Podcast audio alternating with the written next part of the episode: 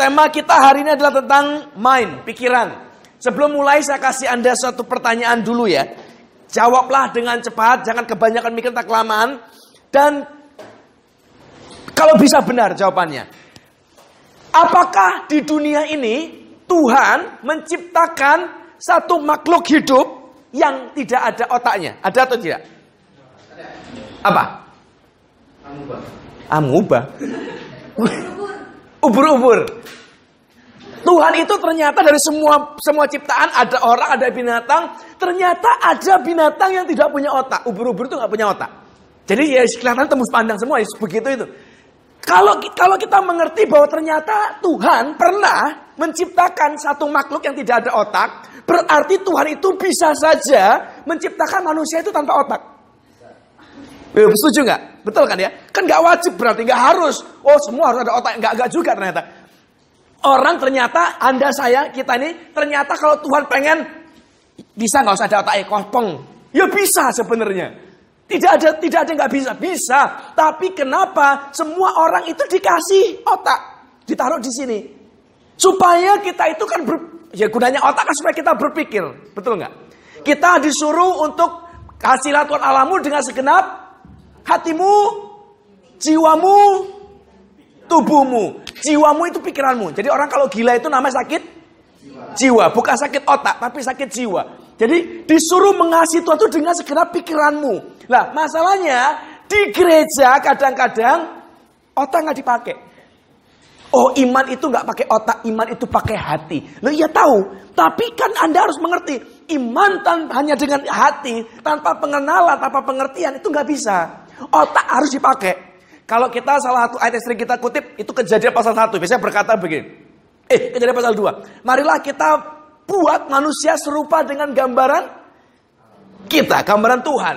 Jadi ini ayat yang biasa kita pakai waktu kita lagi sedih, kita lagi merasa down. Oh, engkau serupa dengan gambaran Allah. Kau Tuhan itu baik. Itu ayat yang dipakai untuk menggambarkan betapa miripnya kita dengan Tuhan. Tapi begitu masalah menyangkut otak, ayat ini nggak dipakai kayak ini. Tahukah Anda bahwa Tuhan kita itu a thinking God? Tuhan yang berpikir. Waktu dia ciptakan alam bumi semesta, dia berpikir dan dia memilih yang mana dulu yang diciptakan. Kalau dia hari pertama, biarlah bumi mengeluarkan tumbuhan dan binatang-binatang berkeriapan, hari kedua mati semua. Kenapa? Tidak ada cahaya. Jadi Tuhan memilih, dia berpikir yang keluar pertama mesti haruslah terang. Cahaya itu harus keluar. Baru yang kedua, ada air, ada apa segala macam. Barulah ada binatang berkeriapan segala macam. Baru yang terakhir manusia. Runtutannya jelas. Dia Tuhan yang menempatkan bintang-bintang di langit. Dia Tuhan yang menciptakan alam semesta, matahari, bulan, dan bintang. Itu kan pemikiran. Tuhan menciptakan, dia membuat sistem dari dunia ini. Ada sistem gravitasi, ada sistem gaya, ada sistem begini. Dia membuat manusia kita begitu hebatnya. Ini kalau di luar, di, di penampakan luar, kita ini terlihat biasa. Begitu dibedah, dibuka dalamnya, ajaib sekali. Usus kita panjangnya luar biasa, 40 meter hampiran. Ususnya tok. Yang lain, ada otak, ada jantung, ada paru-paru, semua punya fungsi yang begitu hebatnya. Dan Tuhan menciptakan semuanya dengan detail. Kalau Tuhan yang berpikir, kenapa kita kadang-kadang tidak berpikir untuk mengenal dia? Yang penting percaya. It's not enough. Jadi hari saya berdoa, do not shut off your brain. Untuk ngerti Tuhan, untuk ikut Tuhan, perlu ngerti. Perlu belajar, perlu punya pikiran. Jadi makanya kasih Tuhan Allahmu dengan segenap hatimu dan jiwamu. Pikirannya harus ada. Dan pikiranmu harus harus nempel di sini. Supaya kita mengenal baik-baik, mengerti baik-baik. Sesuatu yang tidak kita kenali, sesuatu yang tidak kita mengerti, kita akan mudah untuk lepaskan. Bisa nangkep ya? Nah hari ini belajar dulu baik-baik. Roma pasal 8 ayat 5. Alkitab menulis tentang dua macam pikiran. Roma 8 ayat 5 dan ayat 6. Sepanjang sesi kita hari ini, kita akan melihat nanti kita akan banyak pakai bahasa Inggris. Karena hampir semua yang akan kita pakai hari ini ayatnya itu salah terjemahan dalam bahasa kita. Jadi tidak tidak tidak in, tidak benar lah, tidak pas, tidak akurat. Kita coba dulu bahasa Indonesia ya. Sebab mereka yang hidup menurut daging memikirkan hal-hal yang dari daging. Mereka yang hidup menurut roh memikirkan hal-hal yang dari roh. Karena keinginan daging adalah maut, tetapi keinginan roh adalah hidup dan damai sejahtera. Perhatikan ayat 5 dan 6-nya. Ayat 5 bicara masalah memikirkan hal-hal yang dari daging. Ayat 6 memikirkan tentang keinginan. Bisa nangkep? Nggak nyambung kita antar. Dalam terjemahan bahasa Inggris dia berkata begini. For they that are after the flesh do mind the things of the flesh. But they that after the spirit, the things of the spirit. For to be carnally minded is death. Karena pikiran yang duniawi itu membawa kematian. But to be spiritually minded is life and peace. Tapi pikiran yang rohani, pikiran yang spiritual itu mendatangkan hidup. Bukan keinginan. Yang memberi hidup bukan desire, bukan keinginanmu. Yang memberi hidup atau kematian itu adalah pikiranmu. Ini adalah awal mulanya. Anda pasti pernah dengar ada orang pernah ngomong begini. Pertempuran kita, peperangan rohani kita itu terjadinya di pikiran. Kenapa? Karena pikiran kita yang menentukan. Hidup Anda mau bangkrut, hidup Anda mau berantakan, hidup Anda mau rusak, hidup Anda mau ber atau tidak. Startingnya mulai di sini. Dan ini yang kadang-kadang salah. Salah dimengerti oleh banyak orang. Orang berpikir untuk hidup sukses, untuk hidup berhasil, hidup benar, itu mulainya bukan dari pikiran, mulai dari hati. Dan ini yang dikerjakan oleh para motivator-motivator duniawi. Kalau kau percaya, kau bisa. There's no limit above you, the sky is your limit. Yes, tapi kalau bodoh, panjatan itu sky. Gak bisa. Untuk Anda naik ke atas, perlu punya value. Kenapa orang kita ikut seminar motivasi, bayar sekian belas juta, sekian puluh juta, dua tiga hari ikut, begitu bersemangat, pulang, tetap rusak, tetap bangkrut, tetap nggak, tetap utang, tetap nggak berubah. Kenapa? Karena yang disentuh di sini. Musiknya dibuat bersemangat, beatnya dibuat bersemangat, kesaksian-kesaksian diberikan, cerita-cerita sukses orang diberikan. Kita jadi, wah, tapi kopong. Percuma. Isilah di sini. Kalau Anda mau berhasil, Anda mau sukses, pekerjaanmu mau benar, belajar. Atur manajemen keuanganmu, atur manajemen waktumu, atur manajemen kehidupanmu. Dan itu tidak bisa didapat dari dengar kesaksian kisah-kisah sukses orang lain. Itu tidak bisa didapat, tidak bisa dicolok. Kita nggak ada lubang USB di sini. Nggak bisa ditancap terus jadi pinter, nggak bisa. Dimasukin pelan-pelan. Dipelajari pelan-pelan. Itu yang membuat hidup kita berbeda. Bisa nangkep ya? Spiritual, eh sorry, carnally minded itu kematian, spiritually minded itu memberi hidup dan damai. Ada dua macam. Carnally minded, hidup, eh sorry, pikiran yang duniawi dan pikiran yang rohani. Artinya Tuhan itu memisahkan begini, Paulus itu memisahkan begini. Di dalam dunia ini, kita kan dalam kasus ini, kita nggak ada ubur-ubur, kita semua punya otak. Besar kecilnya hampir sama gedenya. Kemarin saya sudah bilang, kita itu manusia diciptakan secara hardware dan software mirip. Kemampuan otaknya hampir-hampir sama. Ukuran otaknya hampir-hampir sama. Kemampuan mengingat hampir-hampir sama. Kemampuan bernalar berpikir hampir-hampir sama. Tapi kenapa dari semua software yang ada dan hardware yang ada tangannya juga sama-sama dua kebanyakan, jarinya juga 10 kebanyakan sama-sama. Waktu kita modal kita juga 24 jam sama-sama, software sama, Hardware sama, modal sama, tapi kenapa hasil hidup orang bisa beda-beda? Ada yang berhasil, ada yang susah sekali. Ada yang berkelimpahan, ada yang utang berat. Ada, bisa banyak, ada yang happy, ada yang sedih, ada yang susah, ada yang sengsara. Kenapa hidup orang bisa beda resultnya? Karena startingnya di sini. Ada dua pihak yang sedang berebut. Pahamilah dan sadarlah begini. Otak Anda itu berharga. Saking berharganya itu dibuat rebutan oleh setan dan oleh Tuhan. Siapa yang mengontrol pikiranmu, menentukan arahmu, menentukan resultmu. Kalau pikiran kita dikuasai setan, nantilah kita. Kalau pikiran kita dikuasai Tuhan, life and peace. Nah, yang mana kita ini nanti kita belajar. Tapi kita perlu ngerti dulu konsep yang benar tentang pikiran kita. Baca dulu benar. Roma 7 ayat 23. Paulus menjelaskan tentang konsep pikiran ini dengan jelas. Tetapi di dalam anggota-anggota tubuhku, aku melihat, perhatikan, hukum lain yang berjuang melawan hukum akal budiku dan membuat aku menjadi tawanan hukum dosa yang ada di dalam anggota-anggota tubuhku. Sabarlah dengan aku hari ini ya. Kita akan banyak baca kitab Paulus yang susah dimengerti. Ini bukan aku yang bikin susah, dia yang bikin susah. Ada hukum lain, perhatikan. Yang melawan hukum akal budi, yang membuat aku terjebak hukum dosa. Ada tiga macam hukum. Ku jelaskanlah bahasa Inggris lebih bagus. But I see another law, hukum yang lain in my members, dalam dalam dalam tubuhku warring against the law of my mind. The law of my mind. Jadi pikiran kita tuh punya hukum sendiri. Jadi orang Kristen jangan cuma ngerti hukum tabur tuai.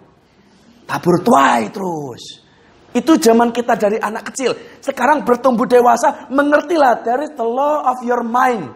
Pikiranmu punya hukum sendiri and bringing me the law of my mind, bringing me into captivity to the law of sin. Hukum punya hukumnya, eh dosa punya hukum sendiri. Nah, kenapa? Hukum apa yang di dalam pikiran kita yang membuat kita bisa terjebak dalam hukum dosa? Yang membuat Anda terjebak. Kalau pernah dengar kata ikatan, ikatan dosa, belenggu, jerat kutuk, dan segala macam. Ini semua tidak terjadi di dalam alam fisik tubuh kita. Ini terjadinya di sini. Warring against the law of my mind. Pertempuran itu di sini. Setan itu masuk ke sini. Anda tidak akan bikin dosa kalau ininya beres. Anda nggak akan selingkuh kalau ininya beres. Anda nggak akan bunuh orang kalau ininya beres. Anda nggak akan nipu kalau ininya beres. Tapi begitu ininya salah, semua salah. Nangkep ya? Nah, apa the law of my mind-nya ini apa sekarang yang kita perlu ngerti? Kita perlu sadar begini. Hukum pikiran itu akan akan berkata begini. Kita ini adalah hasil dari apa yang kita pikirkan. Jadi kita mikir apa ya itulah. Coba baca dulu bentar. Uh, Amsal 23 ayat 7. Ya, sebab seperti orang yang membuat perhitungan dalam dirinya sendiri, demikianlah ia. Ada bahasa Inggrisnya nggak di sini? Gak ada. Bentar, aku cariin. Ada harusnya katanya. ada yang ada yang bisa bahasa Inggris? Tolong bacain. Apa?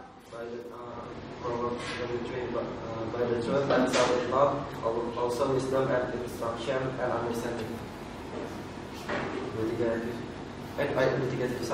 Oh ini. For as he thinketh in his heart, so is he. Jadi terjemahan aslinya berkata begini. Apa yang kau pikirkan, ya itulah jadinya kamu. Kalau terjemahan bahasa Indonesia mungkin kita nggak terlalu kelihatan.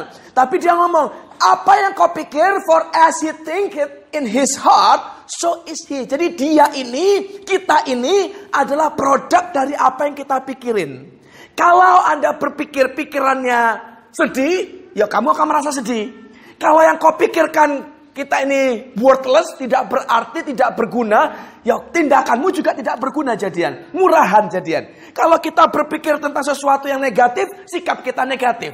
Omongan kita negatif. Perkataan kita jadi jelek. Kalau kita berpikir sesuatu yang jahat, tindakan kita juga keluarnya jahat. Bisa nangkep nggak kira-kira? Jadi kita ini adalah produk result dari apa yang kita pikirin. Apa yang kita pikirkan akan keluar dalam lifestyle-nya kita. Makanya Yesus berkata begini, tidak dari perkataan jahat keluar dari hati. Kalau perkataannya jahat, hatinya jahat. Kalau hatinya jahat, perkataannya jahat itu muter-muter semuanya. Jadi kita tidak bisa ngomong, oh aku ini orangnya cuman kasar di mulut, tapi hatinya baik. Tidak ada omongan itu. Oh, aku itu orangnya baik. Kalau orang baik sama aku, aku lebih baik. Tapi kalau orang jahat sama aku, uh, aku lebih jahat. Itu jahat. Ngerti ya? Jadi jangan salah, kita adalah produk dari yang kita pikirkan. Jadi kita mikir apa, ya inilah kita, kita ini ini wis. Jadi kita itu bukan sekedar dibentuk dari lingkungan. Lingkungan itu berpengaruh iya. Orang suka bilang, oh kalau teman-temanmu jelek, kau jadi jelek. Betul, tapi harus tahu runtutannya. Lingkunganmu, orang-orang di sekelilingmu itu berpengaruh. Mereka bicara, mereka bersikap, mereka bertindak, itu memberi contoh ke mata kita. Kita lihat mereka. Oh mereka begini, mereka ngomong ini, mereka ngomong itu. Kalau kita sering lihat, pikiran mulai akan menormalisasi. Oh ternyata maki-maki orang itu biasa. Oh ternyata selingkuh itu biasa. Oh ternyata mabok itu biasa. Oh ternyata judi itu biasa. Kenapa? Karena semua orang melakukan itu. Lalu karena pikiran mulai normalisasi, karena biasa, melakukanlah dia keluar dalam tubuhnya. Bisa nangkep ya sampai sini ya. Jadi runtutannya harus jelas. Kenapa orang ngomong begini? Aku mau berubah tapi susah. Bukan susah, karena pikiranmu tidak dirubah. Hidup ini tidak bisa berubah dari tubuh. Tidak bisa berubah dari sifat. Tidak bisa berubah dari kebiasaan lebih dulu. Tidak. Berubahnya di pikiran lebih dulu. Di pikiran bisa berubah, yang lain berubah. Contoh, kalau ada orang rokok, lalu disuruh berhenti. Yohan, berhenti. Susah, percayalah. Sampai di, kalau Anda pergi ke rumah sakit atau ke, klinik-klinik tertentu, mereka punya terapi khusus untuk orang-orang kecanduan. Kecanduan rokok, nikotin, kecanduan pornografi, kecanduan drugs. Mereka punya programnya sendiri. Mereka kasih dari takaran tertentu, diturunin, diturunin, turunin, turunin, sampai terakhir bisa hilang. Tapi cobalah ketemu dengan pasien kanker rumah sakit yang dokter bilang begini, kalau bapak gak berhenti ngerokok, satu bulan lagi mati pak. Lihat, berhenti langsung hari itu. Tidak pakai terapi apa pun, bisa berhenti. Kenapa? Karena pikirannya shock. Karena pikirannya sedang berubah. Taruhannya nyawa, berhenti. Bisa nangkep ya? Jadi yang berubah itu di sini dulu. For as he think it, in his heart, so is he. Itulah kita. Apa yang kita pikir adalah kita yang keluar ini loh hari ini. Nah, masalahnya kita ini mikir apa dan pikiran macam apa yang berpengaruh dalam hidup kita. Kalau saya tanya, ini kan orang-orang yang Anda ada bisnismen, ada orang kul, anak kuliahan, anak pekerja, orang pekerja dan segala macam. Anda semua tahu caranya ngitung duit. Betul? Dari mana Anda bisa ingat hafalan rumus matematika yang begitu banyak itu? Satu tambah satu sama dengan 1020 tambah 1040 jawabannya? Kok bisa cepat sekali? Dari mana? Karena kita repetisi. Tahukah Anda bahwa orang-orang terpintar di dunia itu Indonesia? Coba lihat nanti olimpiade-olimpiade matematika, olimpiade fisika, kimia, Indonesia itu langganan juara. Kenapa? Karena kita dari zaman TK, TK 2 tahun, kalau lulus terus. Tambah 6 tahun SD 8 tahun, tambah 6 tahun SMP SMA 14 tahun, tambah kuliah 4 tahun, 20 tahun lamanya, tiap hari dicekoki matematika terus-terusan. Ngitung luas ember, ngitung luas bak, segala macam, ngitung tinggi layang-layang, kecepatan layang-layang. Wah, kita ini top sekali. Dan kita setiap hari dicekokin repetisi, repetisi, repetisi, repetisi. Makanya nancep. Semua yang pengen belajar itu direpetisi. Ada kemarin nanya aku begini, bagaimana caranya saya bisa hafal isi Alkitab? Repetisi. Satu ayat bacalah terus sampai muntah. Kalau udah muntah pindah ayat yang kedua. Lama-lama nancep. Ya gimana nggak nancep? Karena direpetisi terus-terusan. Tapi kalau Anda baca satu ayat, Yohanes 3 ayat 16. Karena begitu besar kasih Allah kepada dunia ini, maka ia memberikan anak yang tunggal. Supaya barang siapa selamat, eh, barang siapa percaya kepadanya akan diselamatkan. Kalau cuma disebut sekali, yo bagaimana mau ingat? Disebut dua kali, bagaimana mau ingat? Disebut tiga kali, bagaimana mau ingat? Tapi kalau kau sebut itu seribu kali, tidur pun ingat ini kan? Kita tidur bisa keluar ayat itu jalan kayak neon box. Bisa nangkep mas saya? Repetisi adalah keywordnya. Nah, apa yang sering kali terrepeat, repeat lima sulam pikiran ini apa? Kalau orang kebanyakan nonton film, Rainbow terus-terusan, Avenger, berantem-berantem, main games, GTA, segala macam yang penuh kekerasan, jangan bingung kalau keluar dalam hidupnya dia jadi orang yang penuh kekerasan. Dikit-dikit marah, dikit-dikit bentak orang, dikit-dikit emosi, wah panas terus. Di rumah jadi kayak, hidup ini kayak Rainbow beran hidupnya ntar. Kenapa? Karena kebanyakan. Kalau dia seringnya lihat yang porno-porno, lihat yang jorok-jorok, jangan bingung kenapa di di bangsa kita, lah nggak jauh-jauh. Di bangsa kita, cobalah buka nanti portal-portal berita, pemerkosaan di mana-mana. Anak kecil bisa perkosa anak kecil, anak eh, bapak bisa perkosa anak. Kenapa? Karena kebanyakan ada keseringan. Kalau orang sering lihat drama Korea terus-terusan, sehari 10 episode, coba tebak apa yang terjadi. Drama Queen. Pesen Gojek, telat datang nangis. Kenapa dilakukan ini padaku? Keseringan nonton. Kalau orang sering main game, terus tangcing terus, dia juga akan bersikap sama. Hidup ini kayak permainan. Yang dia pikir, buat salah nggak apa-apa. Es gampang. Kalau ada apa-apa, reset, start again dari beginning. Mario Bros mati, nggak apa-apa, mulai lagi. Itu game bos. Hidupmu tidak bisa dimulai lagi begitu. Kamu mati game over, game over lah hari itu. Tapi kita akan menghidupi apa yang repeatedly datang. Apa yang berulang kali dimasukin, itu akan menguasai pikiran. Yang menguasai pikiran menciptakan kita. Jadi hari ini pilih baik-baik. Otakmu itu kayak lemari. Jadi lemari ini namanya lemari, itu mesti ada limited space. Jangan jangan dipikir otak kita itu super komputer yang tidak terbatas. Terbatas loh. Semua laptop apa pun handphone saya canggih-canggihnya semua ada limitasinya. Nah, otak kita ada limitasinya. Jangan semua dimasukin ke sono. Ada barang resep masak masuk. Ayat Alkitab masuk. Cara memperbaiki mobil masuk. Cara memperbaiki genteng masuk. Menghibur atau uh, merencanakan keluarga bahagia masuk. Doa keluarga masuk cara membuat anak-anak sukses dan berhasil masuk. Semua dimasukin ngeheng lama-lama. Begitu kita butuh sesuatu karena karena lemari ini sudah penuh, lalu suatu hari ketika kita butuh sesuatu, aduh, aku butuh cara memperbaiki motorku rusak. Di mana aku pernah belajar di ubruk ubruk ubruk ubruk nggak ketemu. Kenapa? Nyelepit. Terlalu penuh, nyarinya susah. Saya pribadi ya, saya mengajar begini. Kita ini mau jadi apa sebenarnya? Kalau mau jadi apa, poin pertama tahu dulu panggilannya, mau jadi apa. Kalau panggilannya memang mau jadi koki, lemarimu ini isinya harusnya buku resep. Cara memperbaiki mobil, nggak usah. Yang lain-lain nggak penting, memperbaiki genteng nggak usah. Cara memelihara hewan nggak usah. Resep yang banyak di sana. Kita jadi master. Tapi yang kita lakukan tidak. Kita ini mau jadi apa? Isinya lain kadang-kadang. Aku mau jadi hamba Tuhan.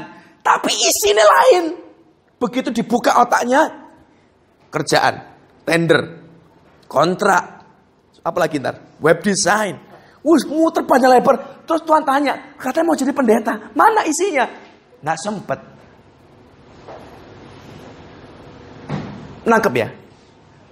Tuhan itu, ingat baik, carnally mind mendatangkan kematian.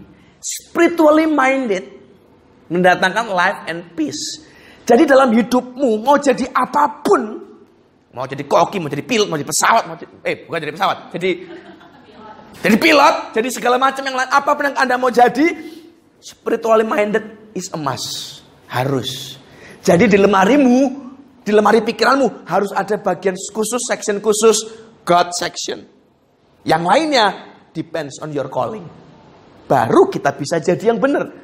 Lah kalau kita mau jadi saya mau jadi hamba Tuhan tapi yang dipikiri lain semua, lo bagaimana bisa jadi? Atau kebalikan, aku mau jadi pengusaha sukses tapi yang dihafal ayat terus. Lah. Tuhan tanya suatu hari. Kamu mau jadi pengusaha? Ku kasih kamu uang satu miliar. Mau diapain duit ini? Sumbang ke panti asuhan. Bangkrut. Bisa nangkep ya? Oh kita akan sumbang ke pendeta-pendeta pedalaman. Bodoh itu. Kenapa? Karena callingmu jadi pengusaha. Harusnya seorang pengusaha mengerti punya modal tidak boleh dihabisin. Apa pun alasannya. Jadi jangan terkecoh dengan alasan-alasan rohani. Punya modal, putarlah, tanamlah, kerjakanlah supaya berlimpah. Itu kan contoh dikasih Yesus. Ada orang dikasih 5 talenta, dapat 10. Ada orang dikasih 2 talenta, dapat 4. Ada orang dikasih 1 talenta, nggak nggak berkurang juga bertambah. Tuhan bilang kau hamba jahat dan malas. Itu tidak kurang loh. Apalagi kalau sampai ku kasih talenta, mana? Habis. Loh. Yang satu aja masuk di penjara paling dalam di mana ratapan dan kereta gigi, apalagi kalau habis. Bisa nangkep ya maksudnya ya? Jadi hati-hati. Pilih baik-baik apa yang masuk ke sini. Karena yang sudah masuk tidak bisa keluar. Jadi jangan semua dilahap. Semua di, wah ikut. Kemarin dua hari, mungkin sekitar dua tiga hari lalu, ada satu orang satu orang ngomong tanya aku begini di di Instagram. Dia nanya begini, Pak, kenapa pendeta itu kalau khotbah lain-lain? Si A ngomong ini, temanya sama maksudnya. Si B ngomong ini, si C ngomong ini, lain semua. Terus aku ikut yang mana? Aku bilang, kamu pilih dulu bapakmu, rumahmu di mana. Lalu menetaplah di situ. Nggak usah bingung omongan orang yang panjang lebar. Kenapa? Karena setiap orang ngomong, kamu bingung, sekali masuk, gak keluar. Jadi akhirnya kita jadi bingung sendiri, ruwet sendiri, mumet sendiri. Efek-efeknya kita nggak percaya lagi dengan Tuhan. Ya pilih satu yang benar. Yang orang kita ini mau cari jodoh aja diuji kok. Oh, jodoh ini bener enggak? Keluarganya kayak apa? Seperti apa? Kita ketemu dulu orang tuanya, kita ke rumahnya, kita lihat cara dia berpakaian, kita lihat cara dia bekerja, kita lihat cara dia bicara. Kita nyari pembantu aja milih kok. Di interview dulu, pernah kerja nggak? Di mana kerja? Kenapa keluar waktu itu? Kenapa sekarang mau ke sini? Gajimu berapa? Bisanya apa? Nyari sopir sama. Pernah nyetir apa saja? Oh, saya nyetirnya dump truck, Pak. Oh, nggak bisa. Nah, dump truck kita jangan kerja di rumahan. Oh, saya pernah nyetir bajai. Itu juga nggak diterima. Kalau mobilmu Mercy, kita nggak akan terima dia yang begitu. Kita akan survei begitu rupa. SIMmu kapan keluar, berapa lama masih berlaku atau tidak, punya SIM apa, apa aja yang dipunya, mobil apa aja yang pernah dibawa, siapa saja yang pernah kau, kamu, kamu kerja sama siapa. Semua dicek. Itu secara duniawi yang gampang. Apalagi mau menentukan hidup kita ini loh. Spiritually mind dari mana? Tidak ada orang bisa belajar dengan sendirinya. Semua orang perlu guru. Kalau bisa belajar sendiri, tidak ada lagi sekolah SD, SMP, SMA, kuliah, nggak ada. Semua orang tinggal di rumah, lalu belajar sendiri, lihat sendiri, pinter sendiri, jadi. Ternyata tidak tuh. Sampai sekarang ada yang sekolah sendiri di rumah. Ada, ada orang ngomong tar, tapi ada homeschooling. Betul, homeschooling tapi apa nggak ada guru nih? Ada. Gurunya datang, ada tapi. Semua perlu guru. Lah, kalau Anda mau cari guru, pun pasti memilih toh. Wah, saya mau belajar main musik. Ya gurunya kan dipilih. Siapa yang ngajar? Oh, aku mau main gitar. Dipilih. Dewa Bujana kah yang ngajar? Atau Dewa Dewi? Ya dipilih. Nggak bisa ngawur-ngawur toh. Semakin hebat gurunya, berarti kan kita punya ekspektasi. Aku mau dia biar aku jadi seperti kan begitu. Milih. Nah, sekarang kita mau ikut Tuhan, satu orang yang kita mau dengar, terus nggak dipilih. Lo kan lucu. Kita ini bukan ubur-ubur, dipakai. Jangan ngomong begini, oh aku mau ikut si A. Kenapa? Nyaman. Otak itu di sini, bukan di sini. Hidup ini bukan masalah nyaman gak nyaman. Carilah. Semua coba ceklah nanti semua olahragawan, juara-juara itu. Mike Tyson kah? Muhammad Ali kah? Stephen Curry kah? Siapa lagi? Michael Jordan. Tanyalah kalau ada kesempatan atau biografinya. Siapa di antara mereka yang suka momen paling indah dalam hidupku adalah momen latihan bersama pelatihku. Nyaman banget. Gak ada. Muhammad Ali itu orang yang dibenci, dia itu adalah pelatihnya. I hate every second of my training time dengan pelatih. Itu momen yang paling kubenci. But I said to myself, berdarahlah sekarang, latihanlah sekarang, susahlah sekarang, and live the rest of, of your life as a champion. Nah nanti hiduplah sepanjang sisa hidupmu sebagai seorang juara. Mike Tyson sama. Orang yang dia paling sebel seumur hidup dia adalah Gusti Amato. Pelatih dia yang pertama. Dia ngomong, aku dihajar, dia orang keras, dia tangan besi. Tapi yang membuat dia jadi dunia termuda di dunia, Gusti Amato. Dan terakhir waktu dia dia wawancara dia ngomong begini, kalau aku tidak ketemu orang itu, aku nggak tahu apa terjadi hidupku. Dan hidupku hancur saat aku kehilangan dia. Orang yang dia benci, tapi itulah membuat dia berhasil. Tidak ada pelatih yang membuat hidupmu nyaman, gak ada. Bedakan pelatih dengan cheerleader. Kalau cheerleader iya, kau kalah, nggak apa-apa. Ada hari esok, yeay, yeay. Itu cheerleader. Hidup ini, Yesus bukan cheerleader. Dia adalah bapakmu, dia pelatihmu. Makanya Paulus ngomong begini, aku seperti seorang petinju tidak sembarangan memukul. Artinya dilatih. Kalau nggak dilatih sembarangan ngawur-ngawur. Aku seorang pelari yang berlari tidak berhenti aku, dengan dengan alasan yang lain. Aku berlari tanpa henti mencapai sebuah tujuan, sebuah mahkota. Ada berarti yang ngarahin arahnya ke mana dia tahu, semua dia tahu. Lah kita ini kan harus tahu. Jadi belajar baik-baik, ngerti baik-baik. Kita ini adalah hasil dari apa yang kita selalu repeat dalam hidup ini. Nah, kalau sudah ngerti ini, sekarang kita belajar ada dua yang memperebutkan pikiran kita, setan dan Tuhan. Setan itu memperebutkan kita. Dan secara naluriah dari awalnya, kita kemarin belajar, dari awalnya kita ini adalah anak setan. Bapak kita adalah setan kata kata Alkitab. Kenapa? Dari lahir Begitu kita lahir dalam dosa, dalam, uh, dalam dunia, kita lahir dalam dosa, kita kehilangan kemuliaan Tuhan, kita dikuasai dengan hawa nafsu. Kita dikuasai dengan pikiran-pikiran jahat, kita senang yang jahat, kita senang yang dosa. Semuanya itu nikmat bagi kita. Sampai sekarang. Nah, waktu kita ngerti ini, kita perlu tahu setan itu punya dua macam pikiran yang dimasuki dalam hidup orang. Hidup Anda dan saya.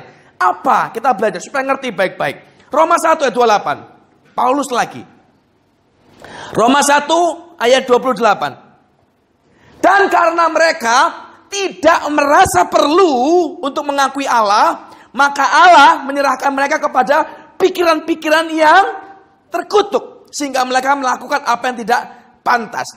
Dalam terjemahan bahasa Inggris berkata begini, And even as they did not like to retain God in their knowledge, God gave them over to a reprobate mind to do those things which are not convenient.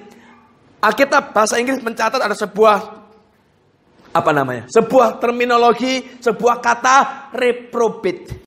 Reprobate mind. Reprobate itu artinya uh, taking a test and fail. Jadi pikirannya diuji gagal. Diuji salah. Itu reprobate mind. Dan ini adalah pikiran Kristus. Jadi Tuhan itu karena mereka mana tadi? 28. Jadi Tuhan menguji pikiran mereka dan didapati gagal. Kenapa gagal? Karena perhatikan, karena mereka tidak merasa perlu mengakui Allah. Jadi pikiran mereka di dalam pikiran orang-orang ini tidak ada Tuhan. Mereka punya pikiran yang lain, mereka punya pengetahuan yang lain, mereka punya skill yang lain, tapi tidak ada Tuhan di dalamnya. Dan di hadapan Tuhan, reprobate. Gagal. Gak bisa dipakai. Tidak bisa diapa-apain. Kalau dalam dalam dalam terjemahan asli bahasa uh, Yunaninya, reprobate itu ditulis sebagai kata adokimos, rejected, ditolak, worthless. Gak ada, gak ada, gak ada nilainya, gak ada artinya. Coba buka satu lagi, satu ayat lain. Efesus 4 ayat 17. Tetap Paulus. Sebab itu kukatakan, kutegaskan ini kepadamu di dalam Tuhan. Jangan hidup lagi sama seperti orang-orang yang tidak mengenal Allah dengan pikirannya yang sia-sia. Terjemahan bahasa Inggris berkata begini. This I say therefore and testify in the Lord that ye henceforth walk not as other Gentiles walk in the vanity of their mind. Vanity. Ada kata reprobate dan Paulus yang sama menulis kata vanity. Vanity itu empty, kosong. Jadi waktu Tuhan menguji pikiran kita, dia itu mencari isi. Dan isi itu bukan berapa nilai ijazahmu. Isi yang dicari bukan berapa nilai IP-mu, berapa prestasimu tidak. Yang dicari adalah seberapa banyak dan seberapa besar pengenalanmu akan dia. God sectionnya. Waktu didapati tidak ada, adokimos, rejected, fail, reprobate. Dan ini yang dicari oleh musuh. Setan itu tidak keberatan kok Anda ke gereja. Dia tidak keberatan kita baca firman. Dia nggak keberatan kita dengar khotbah. Yang dia cegah adalah jangan ngerti, jangan cari tahu, jangan belajar. Wis, lakukan saja kewajibanmu biasa. Dan ini yang terjadi dengan banyak orang Kristen hari-hari ini. Dia omong ayat nggak ngerti, dia omong firman nggak ngerti, dikasih tahu konteks yang ngerti, semua semua nggak ngerti. Kemarin saya baru khotbah di satu gereja besar di Indonesia, bukan cuma di Jakarta. Gede banget. Ini cabangnya ribuan, nggak ngerti berapa. Dan ini gereja salah satu gereja tertua di Indonesia yang saya kemarin datang. Dan pas aku datang, itu adalah ibadah pengerja. Berarti orang-orang top semua, orang-orang hebat semua. Lalu saya nanya, saya lagi ngomong satu cerita dan uh, satu, satu ini rada, rada anu lah, aku jelasin dikit lah. Jadi hari itu saya lagi satu lagi bicara ada empat tokoh yang hidup dalam satu, satu, satu zaman yang sama. Ada Yunus, ada Habakuk, ada Obaja, ada siapa lagi? Yunus, bagus. Tidak ada yang tahu juga. Oke, yang tahu dulu lah. Yunus itu hidup sejaman yang sama dengan beberapa hamba Tuhan yang besar. Kalau ditanya Yunus, semua orang tahu. Yunus terkenal karena dimakan ikan. Habakuk. Apa yang membuat dia terkenal? Hah?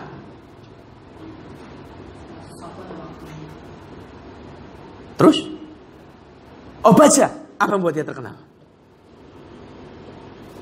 Amos. Bukan famous Amos. Amos. Orang kadang nggak ngerti. Lah, terus kalau nggak ngerti, aku tanya nggak ada yang ngerti hari itu. Terus aku disuruh jelasin, aku bingung, aku mau jelasin apa?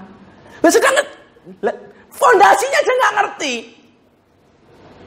Terus apa mau aku jelasin? Aku bingung sendiri, aku bilang, saya nggak sanggup, aku mau pulang aja wis. Percuma aku jelasin. Nggak ngerti. Lah kamu ini katanya pengerja dan lulusan teologi yang di situ. Ada doktor, ada ini itu. Lah kok nggak? Kalau nggak ngerti, terus aku ngomong apa?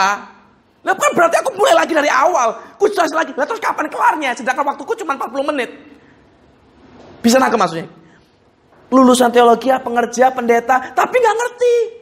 Kenapa? Karena ini. Kotaknya kosong. Ngerti cara manajemen gereja. Nggak pinter. Gereja ini gede sekali. Jemaatnya ratusan ribu. Tersebar di seluruh penjuru Indonesia. Dari tahun 1900 berapa ini gereja bangun. Ke mana aku dilihatin foto-fotonya. Itu, wah Manajemen gereja jangan nanya, wis. Manajemen keuangan gereja, wah jangan ditanya. Ini gereja hebat sekali. Manajemen sumber daya, jangan ditanya. Yang ditanya, manajemen Alkitab gitu. Lah kopong. Itu kalau diketok bunyi tong tong. Lah terus apa?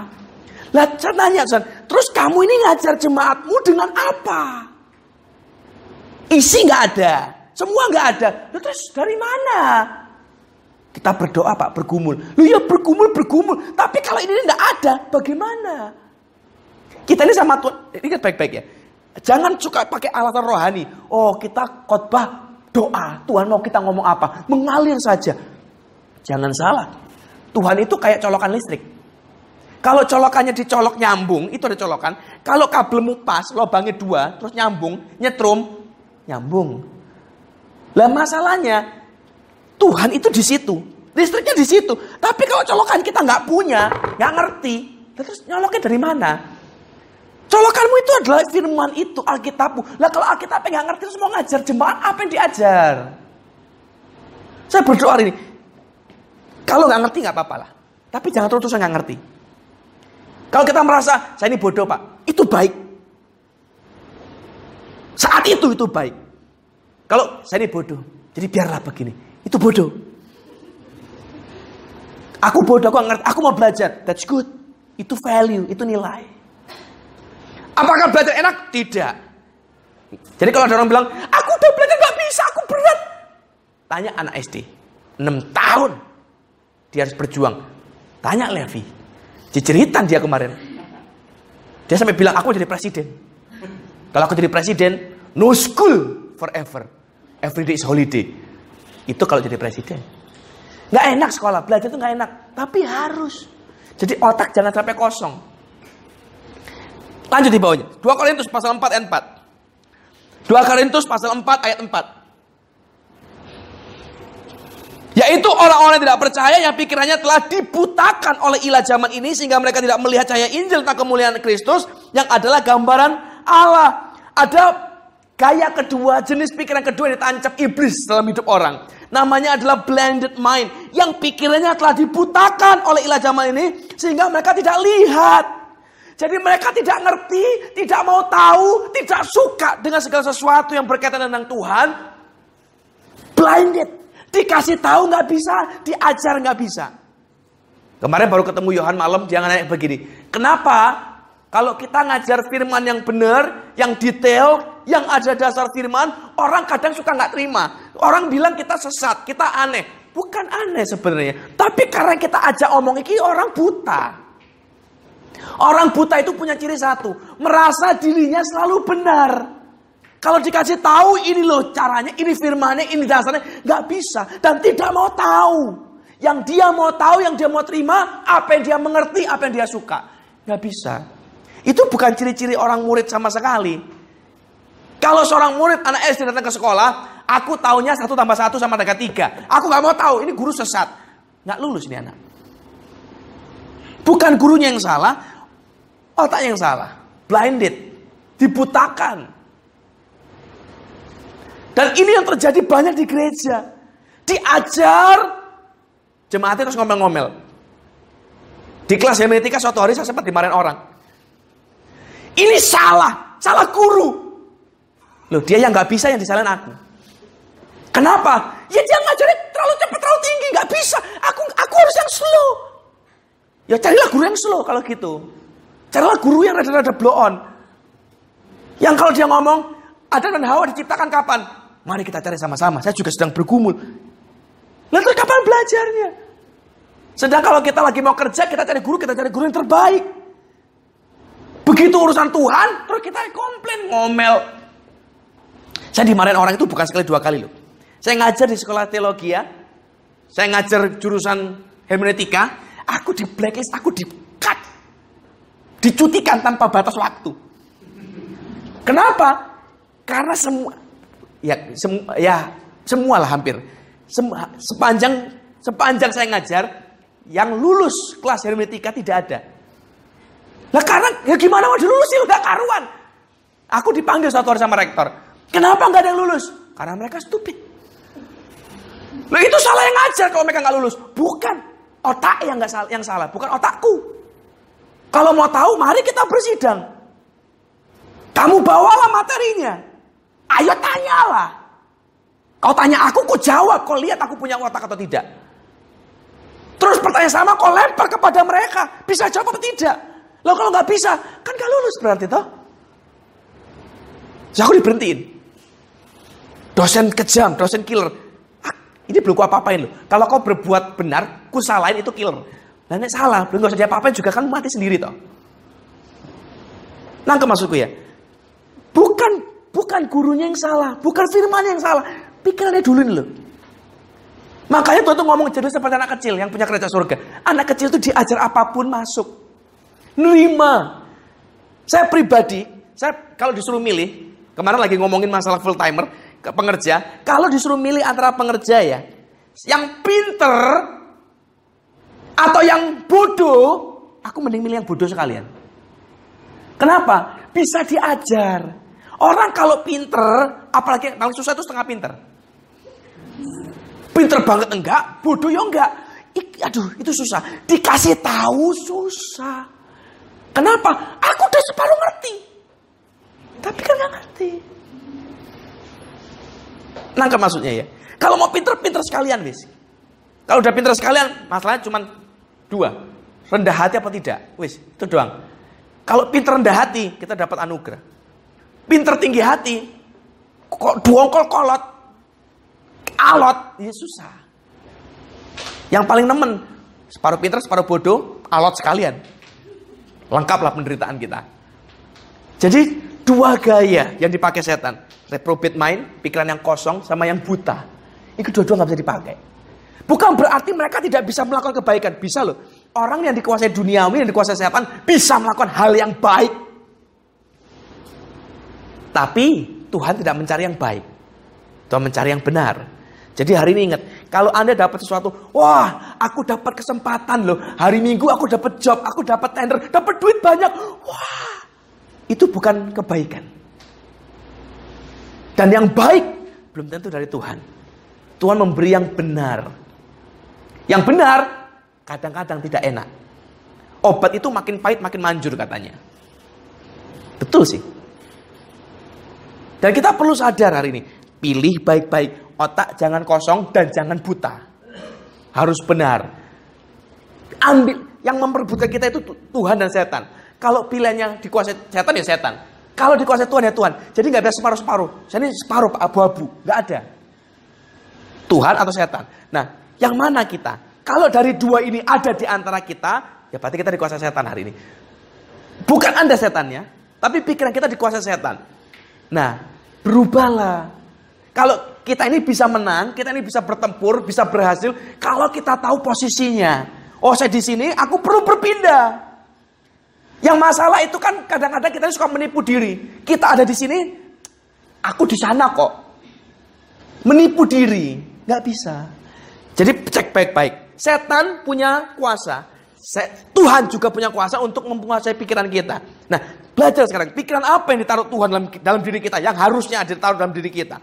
Filipi 2 ayat 5. Filipi 2 ayat 5. Hendaklah kamu dalam hidupmu bersama menaruh pikiran dan perasaan yang terdapat juga dalam Kristus Yesus.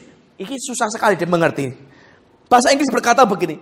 Let this mind, pikiran ini be in you which was also in Christ Jesus. Biarlah pikiran ini ada padamu yang pikiran ini yang sama loh dengan Kristus. Perasaan nggak ada. Dari mana perasaan ini? Kekristenan, hidup dengan Kristus tidak bicara masalah perasaan. Aku rasanya deg-deg ser. Enggak. Enggak ikut-ikutan dengan perasaan. Aku merasanya damai. Dan ini kata-kata sering dipakai orang Kristen. Kalau damai, jalan. Bukan. Kalau benar, jalan. Orang kalau nggak tahu, damai itu memang. Kemarin ada baru cek detik. Ada lima orang baru meninggal di Baduy Dalam. Eh, di, sorry, di perbatasan antara Baduy Luar dengan Baduy Dalam. Kenapa? Mereka berenang di satu sungai. Orang setempat sudah ngomong, jangan berenang karena ada ceruk di dalamnya. Itu arusnya kencang. Jangan berenang. Ini anak-anak SMP. Mereka berkata, aku pinter renang. Jadi waktu orang lain lagi makan minum, lagi lunch, mereka berenang. Mati, lima. Sudah dikasih tahu. Sudah diomongin. Tapi mereka merasa aman kok. Damai, kita akan fun. Kenapa mereka damai dan fun? Karena nggak ngerti. Orang yang yang orang setempat, orang suku sana, mereka tahu bahayanya. Jangan. Aku aku nggak akan izinkan. Aku nggak damai lihat biarkan biarin kamu renang. Ngerti maksudnya ya? Jadi hidup ini bukan berdasarkan perasaan. Oh, damai.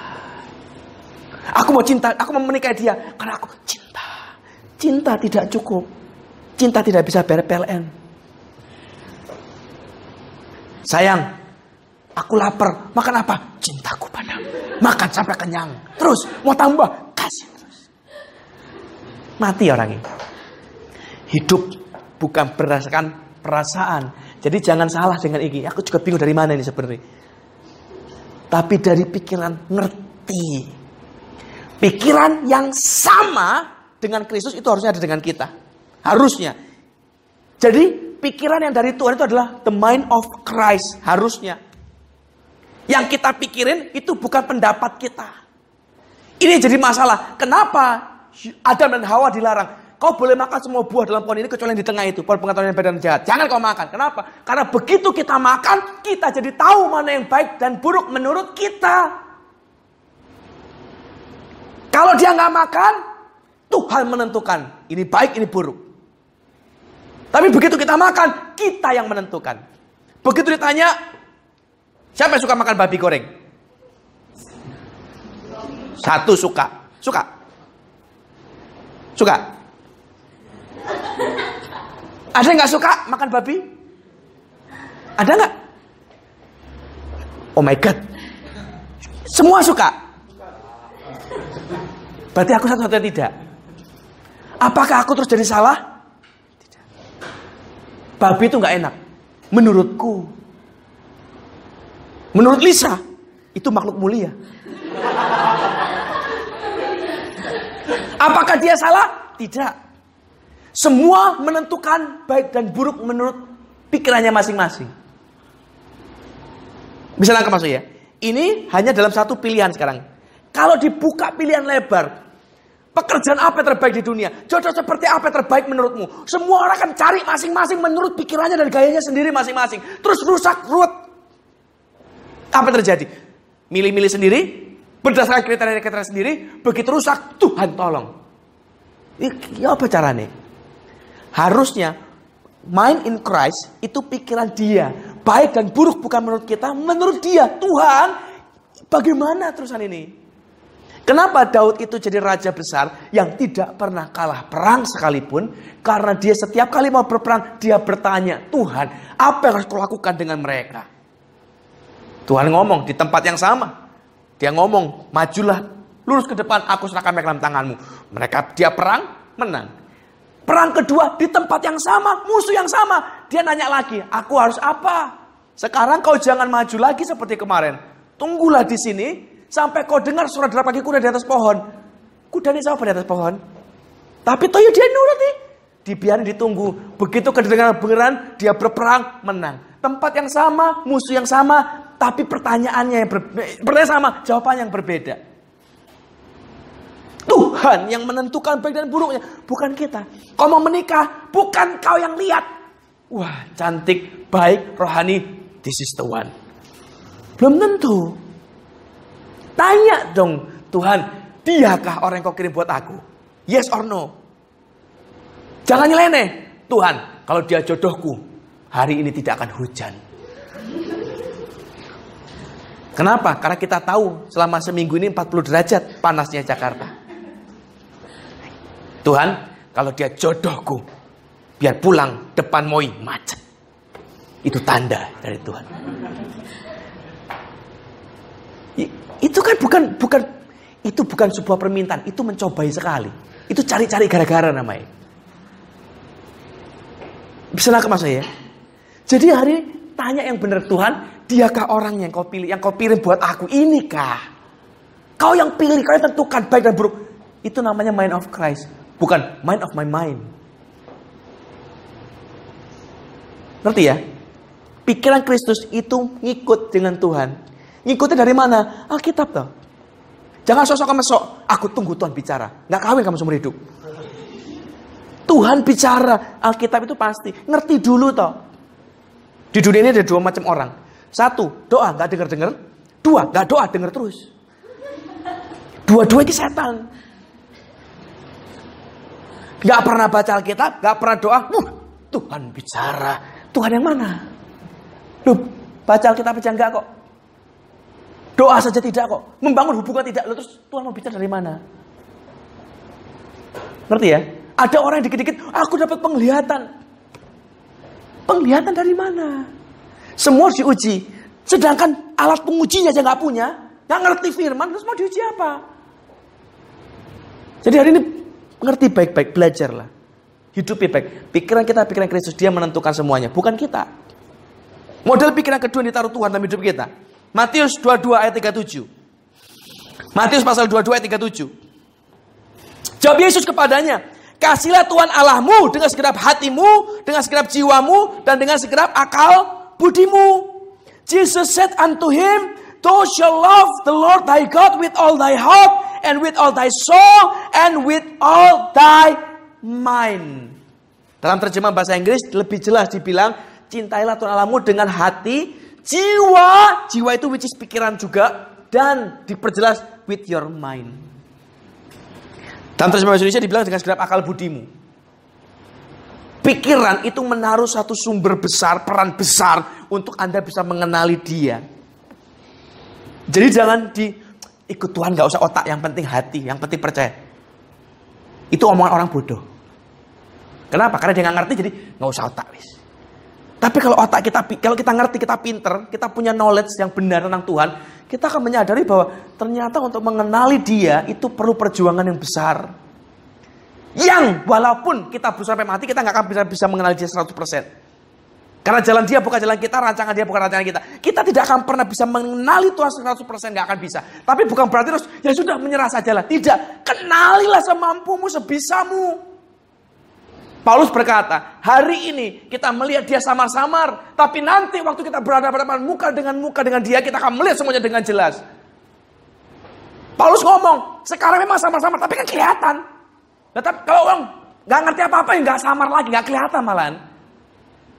Jadi ngertilah, pikiran kita dibilang begini, kasihilah Tuhan Allahmu dengan pikiranmu.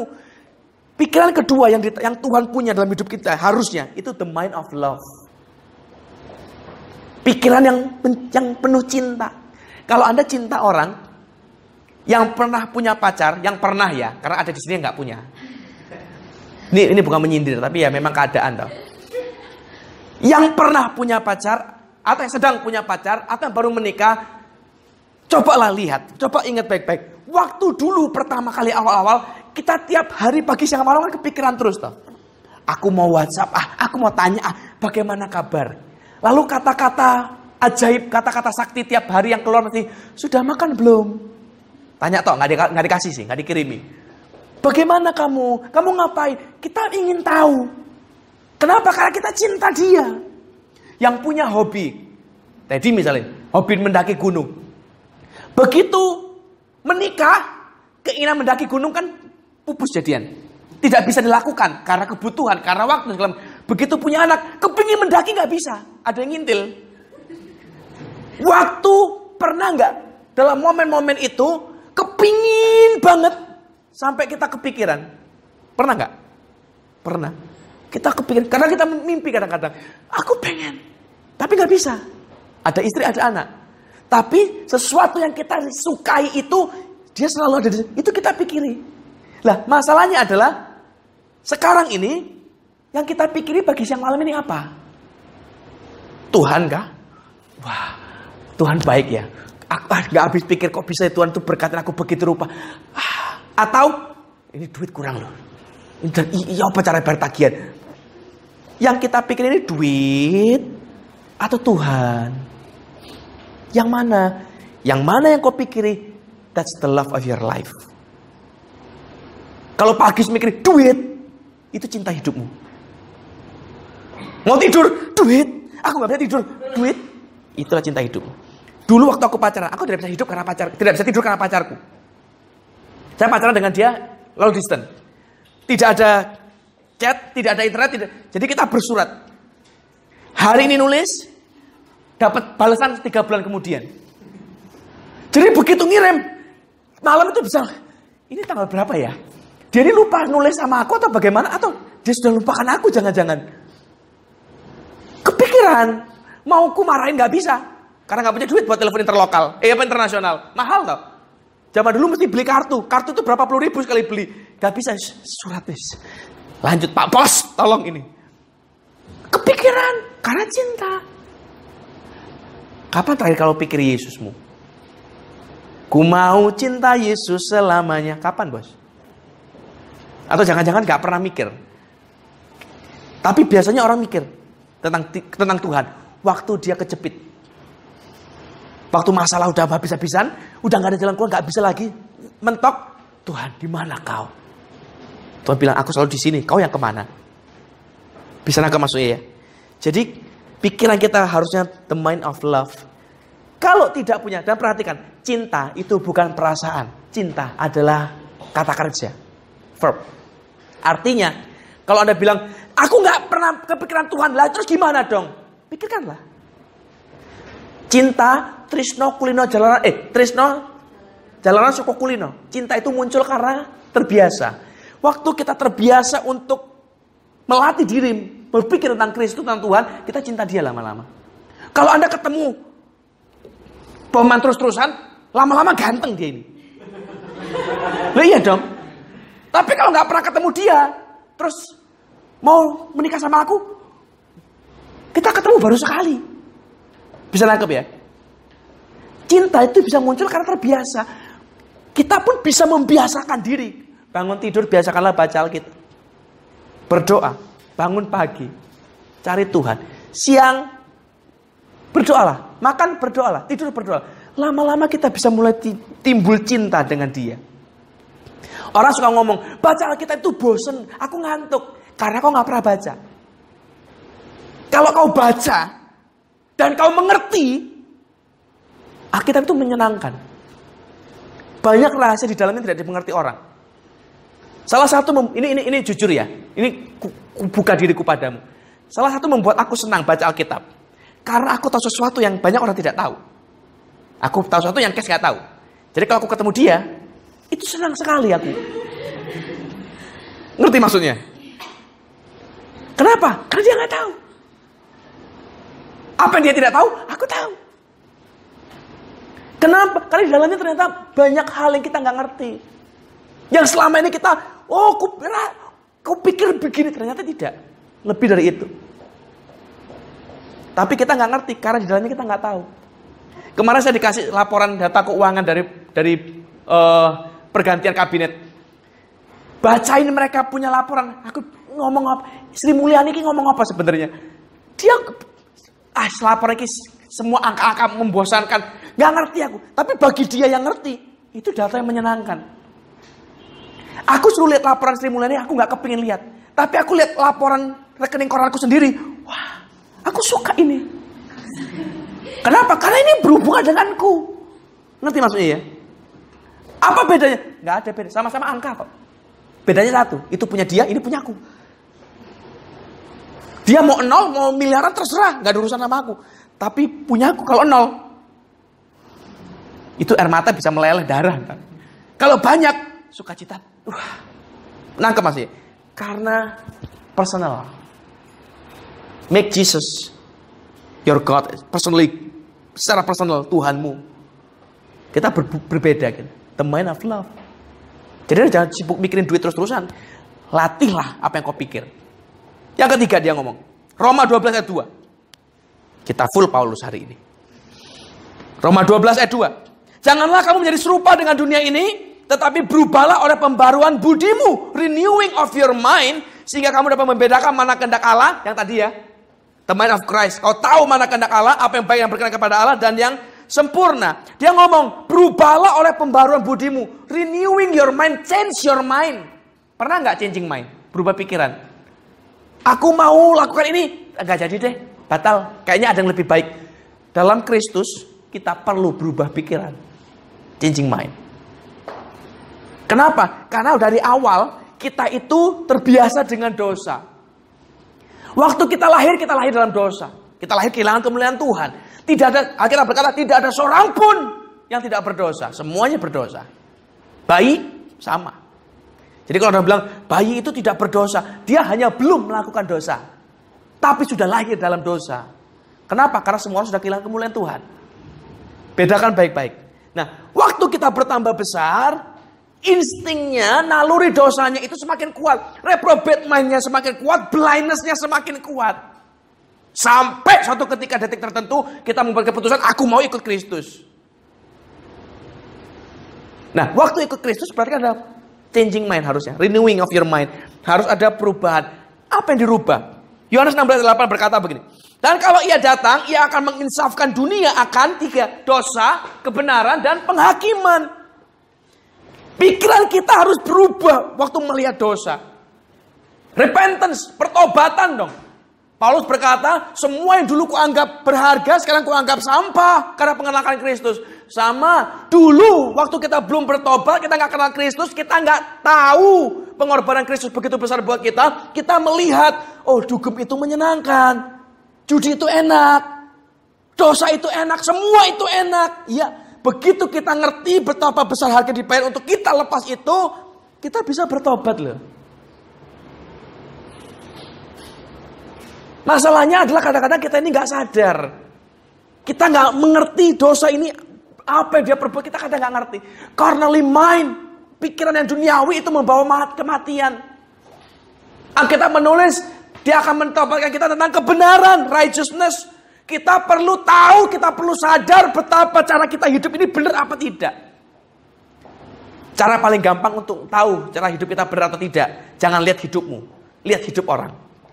Kalau adik, contoh, Yohan misalnya, ada orang datang, aku datang konsultasi, kok Yohan, menurutmu hidupku baik apa tidak?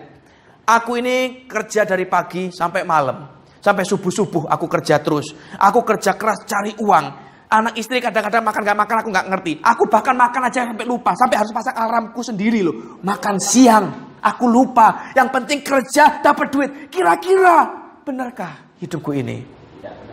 Kenapa kau lakukan? Nanti maksudnya ya. Kalau kita lihat hidup kita, ya alasan banyak. Aku kan terpaksa, aku begini. Bukan masalah alasannya, benar atau tidak. Kita bisa ngomongin orang. Jangan begitu, jangan begini. Tapi kadang kita lakukan. Bertobat toh. Balik lagi, dosa. Bertobatlah. Jadi lihat baik-baik cara kita hidup ini berapa tidak. Dan terakhir dia bilang penghakiman. Kita perlu ngerti, kita perlu sadar, kita perlu lihat bahwa nanti semua yang kita kerjakan, every action of our life itu pasti mendatangkan efek. Efeknya di sini. Efek kita nggak langsung, nanti. Cepat atau lambat nanti. Jadi saya berdoa baik-baik, ngertilah, sadarlah. Suami istri berantem. Contoh. Jangan dipikir, oh itu kan urusan pribadi. Tidak. Dalam hidup ini tidak ada yang pribadi. Yohan Kesia berantem misalnya. Efeknya panjang. Tanya dia ntar. Nanti dia akan serba salah. Terus aku gimana? Yang ini berantem, nanti apa yang dia kerjakan, dia nanti kena sembur. Salah terus. Kalau nggak dimarahi Kes, dimarahi Yohan. Ngepel, kok nggak licin, kok nggak bersih. Padahal itu yang biasa dikerjakan. Tapi waktu mereka lagi lagi aman, lagi lagi romantis, lagi baik, nggak ngepel, nggak apa-apa lah, kamu kasihan capek, tidur tidur. Bisa nangkep ya? Anjingnya sama ntar, Kuro dan Blaze. Waktu mereka lagi bahagia, lucu. Begitu lagi gak bahagia, ku potong kamu. Kemarin anjing sudah ditodong pisau sama Yohan. Kenapa? Tidak tidak ada personal. Begitu kau berantem, begitu kau rusak, yang lain kena, seisi rumahmu kena. Tapi begitu suami istri berdamai, indah, seisi rumahmu penuh tawa. Nangkep maksudnya ya. Jadi harus tahu baik-baik. Apa yang kau kerjakan, baik atau kecil, besar atau kecil, efeknya banyak. Dan itu ke mana-mana efeknya ntar. Jadi judgementmu harus tepat. Ngertilah berarti.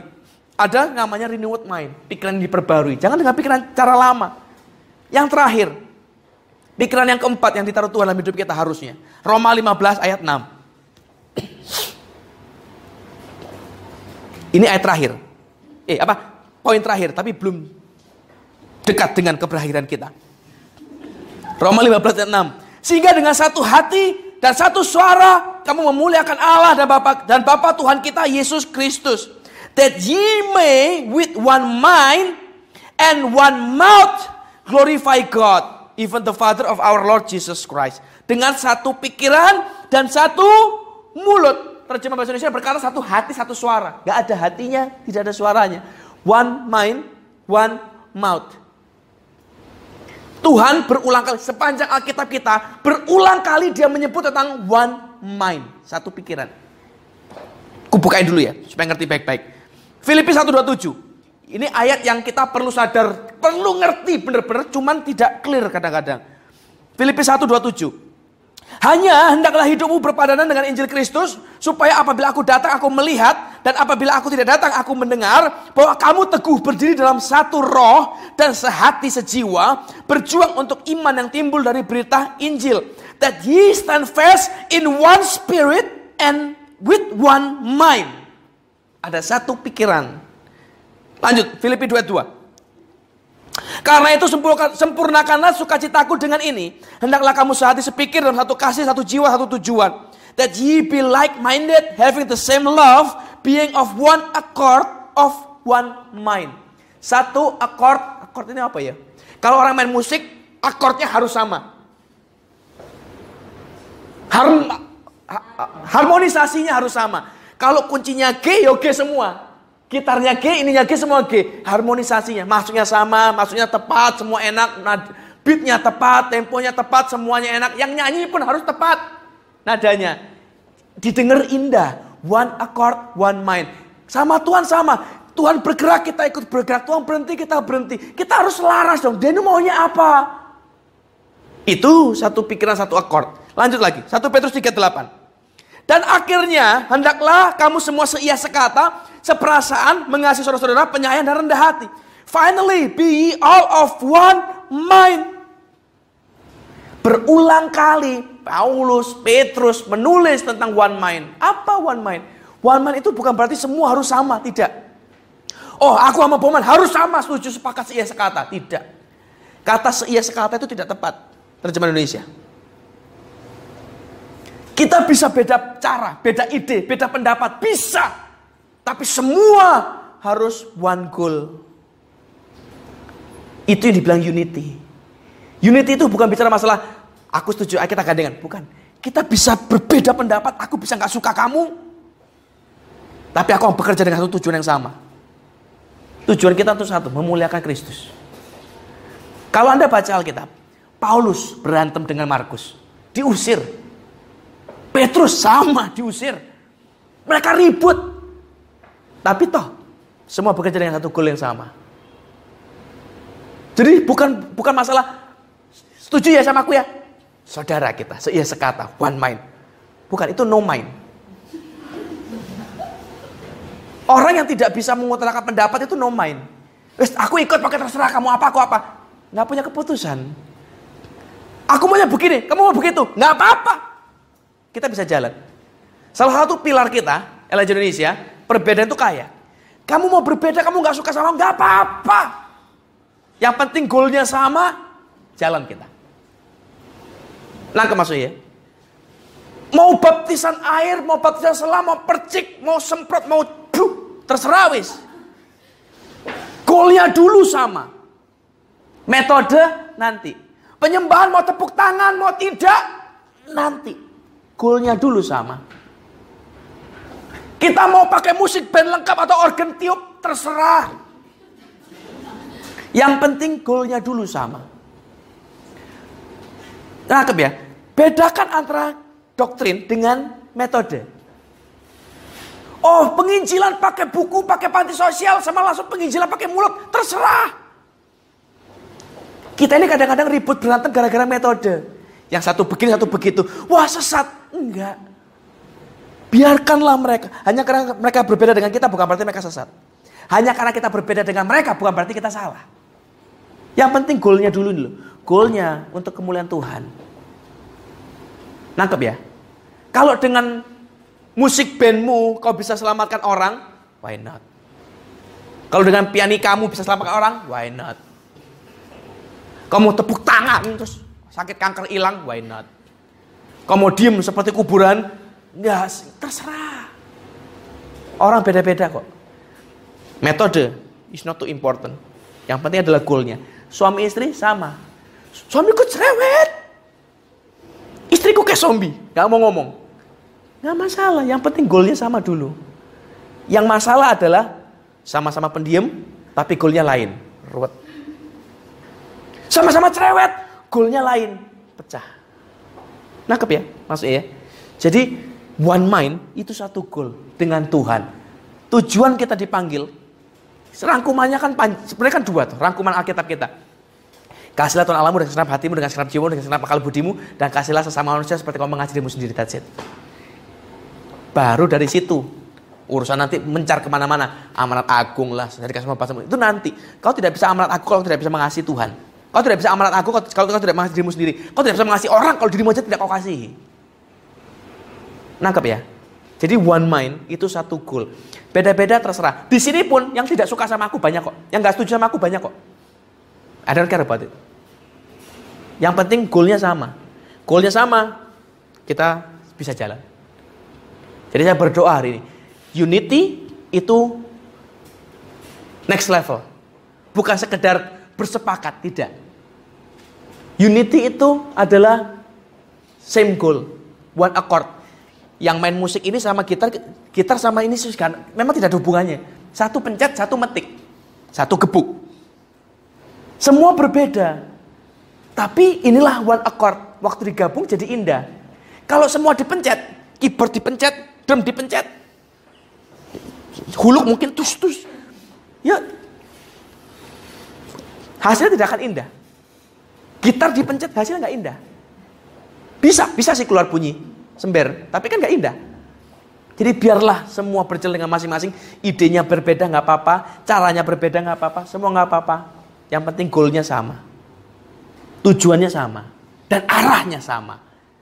Jangan cuman caranya lain, terus tujuannya lain, hasilnya lain. Ini jangan toh. Itu namanya bukan unity, itu bukan one mind.